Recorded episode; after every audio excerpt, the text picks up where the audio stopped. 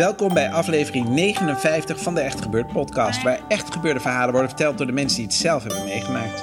In deze podcast een verhaal van Michael Schaap. Het thema van de Echt Gebeurd middag was haat en wraak.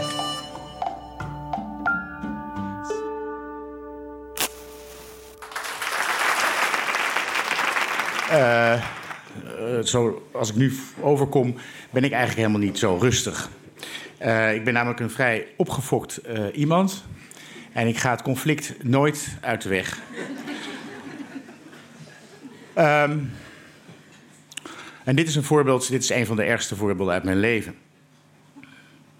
Een aantal jaren geleden, ik denk ongeveer vijf, eh, ging het weer eens niet zo lekker met me. Althans, ik voelde me niet helemaal goed. gestrest, opgefokt. Het was een prachtige lente. Morgen, zaterdagmorgen, heel mooi weer. Amsterdam op zijn mooist. Heldere lucht, ruisende bomen. Iedereen blij. Ehm, mijn vrouw of geliefde zou eh, binnen een uur, anderhalf vertrekken naar China voor een zoveelste verre reis. En ik zat, dan zou dan thuis blijven met mijn twee kinderen. En mijn dochter eh, was op dat moment ziek en ik moest mijn zoontje even wegbrengen naar een feestje. En ik rijd terug naar huis en ik wist, ik moet snel zijn. En ik zit in een rode grote Volvo 240. Dat is zo'n soort tankachtige, eh, loodzware auto.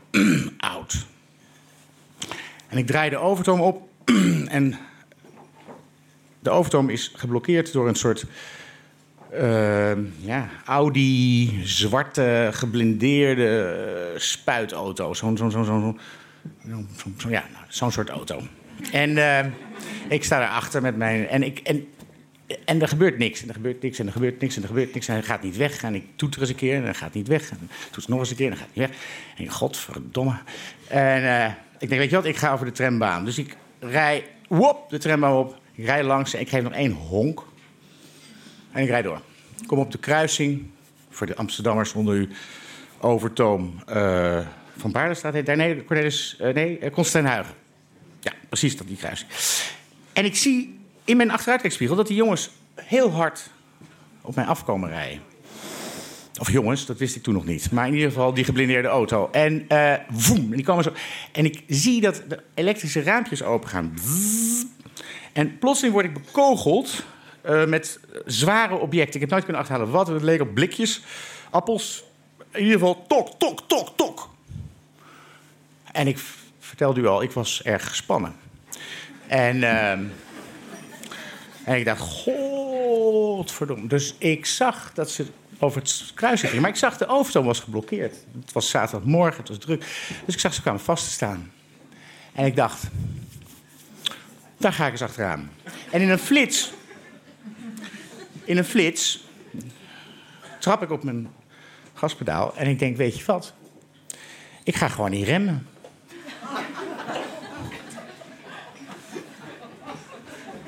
Uh, de snelheid was niet al te hoog, want het is een kort kruispunt. Dus ja, de, wat reed ik? 20, 30 kilometer? Ik weet god niet. Maar in ieder geval, het was, het was nog niet op vol- volle snelheid. Ik dacht, ik ga gewoon niet remmen. En zo geschieden. Paf! Toch! En de auto gaat, valt een beetje terug en ik doe het nog een keer. En ehm, ik stap uit. En die dag was dus een mooie zomersdag. Dus was gekleed. In de zomer draag ik altijd hetzelfde. Daar heb ik een witte eh, linnen broek. Dat is belangrijk voor het verhaal trouwens. En eh, eh, teenslippers. en een eh, wit eh, overhemd. Ik stap uit mijn auto. Ik heb mijn, nog wel mijn sleutelbos bij me. Ik weet niet waarom, maar die had ik bij me. En ik eh, ram. Ik loop. eh, oh ja. Je hoorde zo, ik stapte uit en je hoorde zo die portieren van die auto. Klak, klak, klak. Zo alles dicht. Dat is ook wel belangrijk om te vertellen.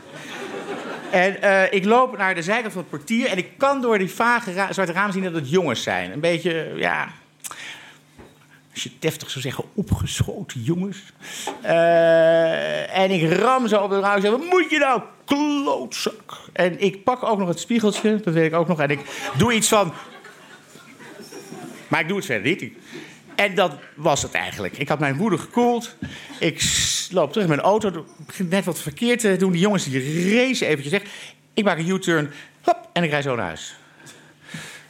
Nou, kom thuis, mijn geliefde. Waar was je nou, godverdorie? Ja, eh, eh, ze zei, ja, ik wil nog even koffie, we hebben geen melk. Oh, Oké. Ehm, ik moet het kort houden, hè? Ja, wacht. Eh, nou, ik, rij ik ren naar buiten op mijn teenslippers. En ik ga om de hoek ergens naar een eh, winkeltje en ik koop daar melk. Kom terug in de, om de hoek van mijn straat en daar staat een agent. En die zegt... Bent u de bezitter van een rode Volvo? En ik zei, nou, bezitter, bezitter. Want hij stond op naam van mijn geliefd. Eh, reed u toevallig net in een rode Volvo? Ik zei, mm, wat? Zei, wilt u even blijven staan? Komt nog agent. En, oh. achter een auto komen die gastjes. Ik denk, wat nou? En eh, op straat. Dames en heren, in Nederland gaat het zo. Een line-up in Nederland is niet dat je dan met vier mensen op een rij staat en dat achter glas. Nee, in Nederland gaat het zo. Op straat. En die mannen zeggen: Is dit hem? En die jongens zeggen: Ja, nou, ja. eh, nou, dan bent u nu gearresteerd. Ik zei: Nou, eh, gearresteerd? Eh, nee, dat kan niet, want mijn vrouw gaat zo naar China. en Mijn dochter is ziek. En... Nee, eh, ja, meneer, u bent gearresteerd. Ik zei: Nou ja, maar ik heb een dochter en die is heel klein, die is twee jaar oud. Hij zei: Ja, meneer, ik kan er niks aan doen, u moet gewoon mee. Ik zeg: Ja, maar dan moet u toch iets regelen? Ja, oké dan. Dus moet u het volgende voorstellen. Zaterdagmorgen, half elf, elf uur... in een prachtige lommerrijke straat in Amsterdam Oud-Zuid. Iedereen was buiten. Dus iemand stond zijn auto te wassen. Andere buren waren bezig met de kinderen op fiets. Ieder, overal, iedereen was bezig en praten. En er komt een optocht. Ondergetekende, drie agenten, politieauto, daarna nog een politieauto. En wij lopen zo die straat in. En op de stoep voor mijn deur staat mijn geliefde met mijn doodzieke dochter en een taxi. En die zegt, zeg, ik moet nu naar China, dus eh, ik zeg maar, schat, ik ben gearresteerd. Gearresteerd. En eh, ze zegt, ja, dat ben ik ook niet, zei ze, maar ik moet nu weg. En wap, weg was ze. Ik sta er met een doodziek kind.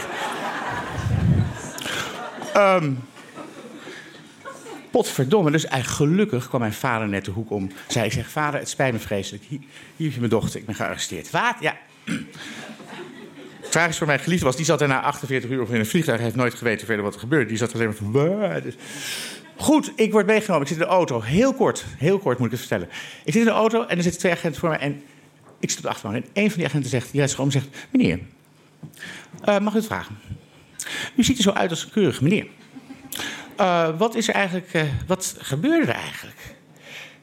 En ik dacht, wacht even, nu moet ik heel erg gaan oppassen. Want eh, ga ik nou alles echt eerlijk zeggen? En wat is dit eigenlijk? Ben ik nou onder verhoor en zo? Zijn mijn rechten al... eh, ik zei nou, weet je, ja, ik toen zei een kleine, hele kleine leugen. Ik zei, ja, ik weet ook niet wat er overkwam. Het gebeurt me eigenlijk nooit. Zoiets. Maar, en toen ging ik wel de waarheid spreken. Ik was opgefokt en deze jongens die bekogelden mij en die waren irritant. En ik dacht, ik pik het niet langer. Toen zei die man... Weet u waar u me aan doet denken? Kent u die film Falling Down? Kennen jullie de film Falling Down met Michael Douglas? Een man die wraak neemt. Ik dacht, oh. Hij zegt, u lijkt net op hem. En hij zegt zo tegen die agent naast hem, hij zegt... Ken je die film Falling Down? Dat is een goede film, man. Ik dacht, hè?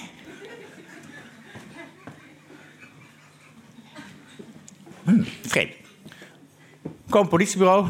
Ik word, eh, dat gaat echt zo, jongens, als in de film. Je wordt in een hokje opgesloten, dan nemen ze je alles af. Je riem, je veters, je, wordt gefouilleerd. Nou, wat? Kennen jullie dat? Iemand hier? Nou. Ehm, en eh, plotseling zit je dus in een soort... eh, dat heet dan dus niet nog de cel. Dat heet dan bij hun, heet het geloof ik... De, de poet? De, de petoet? Nou, ik weet niet hoe dat heet. Eh, de, de baai? Nee, ook niet. Nou. Zoiets. En daar zit je dan. En het is echt ongelooflijk. Je zit er en je komt echt tot jezelf. Je denkt, Jezus fucking Christus, ik zit hier in een cel. En het is zaterdagmiddag en het is prachtig weer. En, en, en, en- oh. en plotseling, en, en, en er waren ook allemaal gekken zaten erin. Dus er was allemaal geschreeuw en idioten. En er was een radio. Een agent had een radio heel hard aangezet om het geschreeuw van een ander te overstemmen. En ik had honger en ik had honger. En ik zo, "Rrr, mag ik wat eten? En dan krijg je dus in Nederland krijg je een plastic zakje. Dat wordt in de magnetron gepleurd. Daar zit dus alles in. Boter, eh hagelslag, wit boterham. Maar dat gaat in één keer uit de drie vingers in. De, dan krijg je gesmolten krijg je een soort pakje. En dat eet je op. Enfin, kort lang, ik, uiteindelijk werd ik verhoord. En ik moet zeggen, Amsterdamse recherche... Ik mag, ze, ik mag hem handjes knijpen.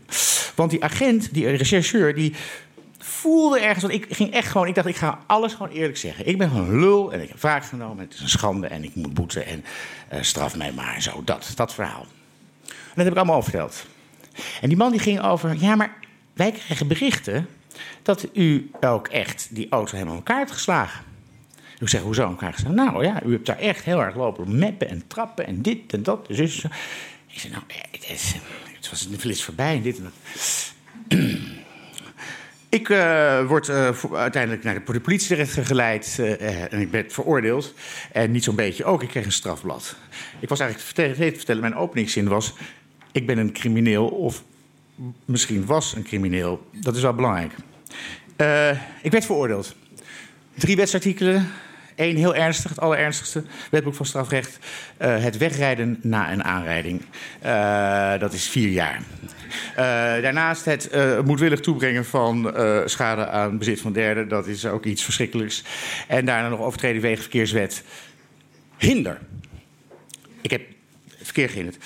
Ik werd veroordeeld. Wat te doen? Godverdomme, een strafblad. Ik wilde niet naar Amerika emigreren, maar ik wilde misschien ook niet minister-president worden. Maar ja, je weet het niet wat zo'n strafblad allemaal. Hè, dat is toch niet leuk? Misschien is het toch voor je hypotheek. Uh, weten jullie dat? Ik heb geen idee, maar het kan volgens mij is het niet leuk, een strafblad. Dus ja, shit, ik moet in hoger beroep. Maar ja, maar ja, maar ja. Enfin, dat heb ik ingezet, tot hoger beroep. En drie jaar later diende de zaak. Drie jaar later. Zo gaat het in Nederland. En um, daar zitten drie rechters. En nu zijn we in het Hof, Amsterdam. En ik zie aan die rechters dat het keurige rechters zijn. En ik had gekozen voor een advocaat. Uh, eerst had ik het aan zonder advocaat gedaan, dat bleek niet zo verstandig. Uh, die eerste rechter had namelijk gedacht: deze, dit kakkertje gaan wij eens even een lesje leren. Nu gelooft ook mijn verhaal niet. Ik had nu een advocaat en dat is een hele goeie, een Turks man, meneer Chanatan of Kanatan. En die zei: Jongen, we gaan het eens even heel anders doen. Want wat ik jullie verteld had, ik had inmiddels het proces verbaal in handen. En daar stond iets heel interessants. Daar stond namelijk dat deze uh, jongens uh, hadden gezegd dat ik één, ik citeer letterlijk uit het proces verbaal, volledig doorgesnoven Mar Marokkaan was, in, gehuld in witte jalaba. die geroepen zou hebben: Ik spiegel kapot maken.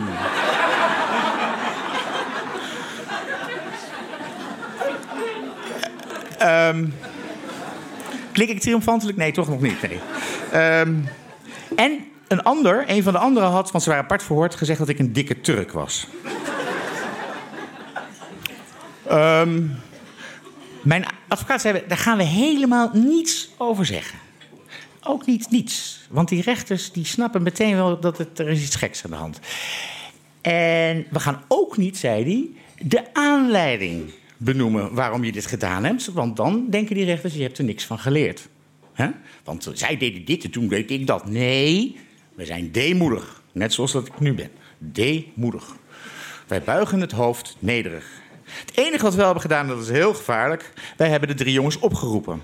Zij zijn slachtoffers. Het is heel gevaarlijk om in een strafproces slachtoffers op te roepen.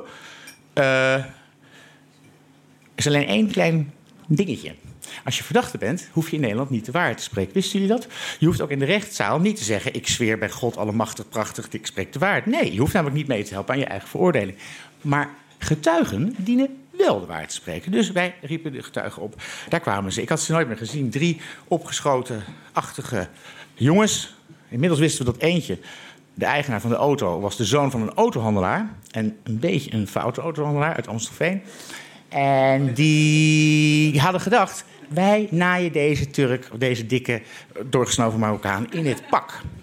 Dus ze hadden gezegd dat ik die hele auto had gemolesteerd. Allemaal krassen, deuken, dit en dat, en zus en zo. Dus er waren allemaal foto's bij het dossier van al die krassen, deuken, zitten en zo. Maar dankzij die ongelofelijke rechercheur die mij had ondervraagd, stond er steeds bij elke foto, naar mijn stellige overtuiging betreft het hier oude schade. Dat stond er steeds, naar mijn stellige overtuiging betreft die oude schade. Enfin, de rechtszaak begint. Deze jongens zweren dat ze waarheid spreekt. Ik hoef niks te zweren. En, je gelooft het of niet, deze rechtszaak ging over twee zaken. Eén, heeft meneer Schaap stalen tenen? Want in het procesverbaal stond dat ik gearresteerd was met teenslippers. Hoe kan meneer Schaap met zijn... Meneer Schaap op kung fu? Dat, zat ik nog niet, dat zit ik inmiddels wel. Maar zit meneer Schaap kung? Nee. Eh, hoe kan dan meneer... Is meneer Schaap bionisch? Zo, daar ging het hele tijd over. Dan moesten we weer naar voren. Dan gingen we weer die foto's bekijken met z'n allen. En dan stonden we er allemaal zo. Eh, ja, ja, ja. Hoe doet meneer Schaap dan dat? Heeft hij dan zus? Nou, zo, daar ging het een half uur over. En de andere helft van het gesprek ging over... Was het een aanrijding of niet? Want, jongens en meisjes, dames en heren... Een aanrijding, iemand iets aanrijden is op zichzelf niet strafbaar. Het, de aanrijding zelf is niet strafbaar. Het gaat om oorzaak, gevolg, intentie. En... Dus was het nou wel of geen aanrijding? Ik had het bewust gedaan.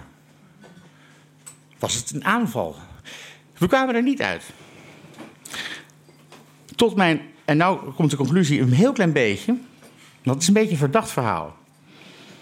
Hier zat een elitaire bal Akakker, figuur, tegenover een groep elitaire heren, rechters, met een elitaire advocaat en drie opgeschoten gastjes. Met een misschien wat bedenkelijke moraal, althans één van hen, of het aantal, en een licht racistische undercurrent, iets achtigs. Uh, wie is nou slecht en wie is er goed in dit verhaal? Uh, ik was de crimineel, maar tot mijn stomme verbazing werd ik dus vrijgesproken. Acquitted. Althans, ik werd vrijgesproken van de, straf, van de strafartikelen. Het bleek geen aanrijding, dus ik was ook niet weggereden na, een aanrijding. Dus ik had ook geen schade toegebracht aan het bezit van derden. Ik begrijp, het nog steeds niet helemaal. Maar goed, uh, ik ben vrijgesproken. Maar die jongens zijn er tussendoor geklipt. Want die hebben mijn eten gepleegd. Nou, mijn eten staat in Nederland volgens mij ook iets van twee of drie jaar op. Die hebben gewoon glashard daar in die zaal gelogen. Ja, dat, dat, precies. Ja, ik kan me ook niet meer zo goed herinneren allemaal, precies. Nou goed, de conclusie. Ik ben vrijgesproken. Ik ben geen crimineel meer. Uh, zij uh, zijn er ook uh, tussendoor geknepen. Qua mijn eet en zo. Uh, blijkbaar krijgen we dus allemaal een tweede kans. Bestaat er een God? Nee. Dus, wat is dan de conclusie? Ehm, nou ja, ietsje triester, ietsje wijzer. Allebei, allemaal. En dat is misschien ook goed.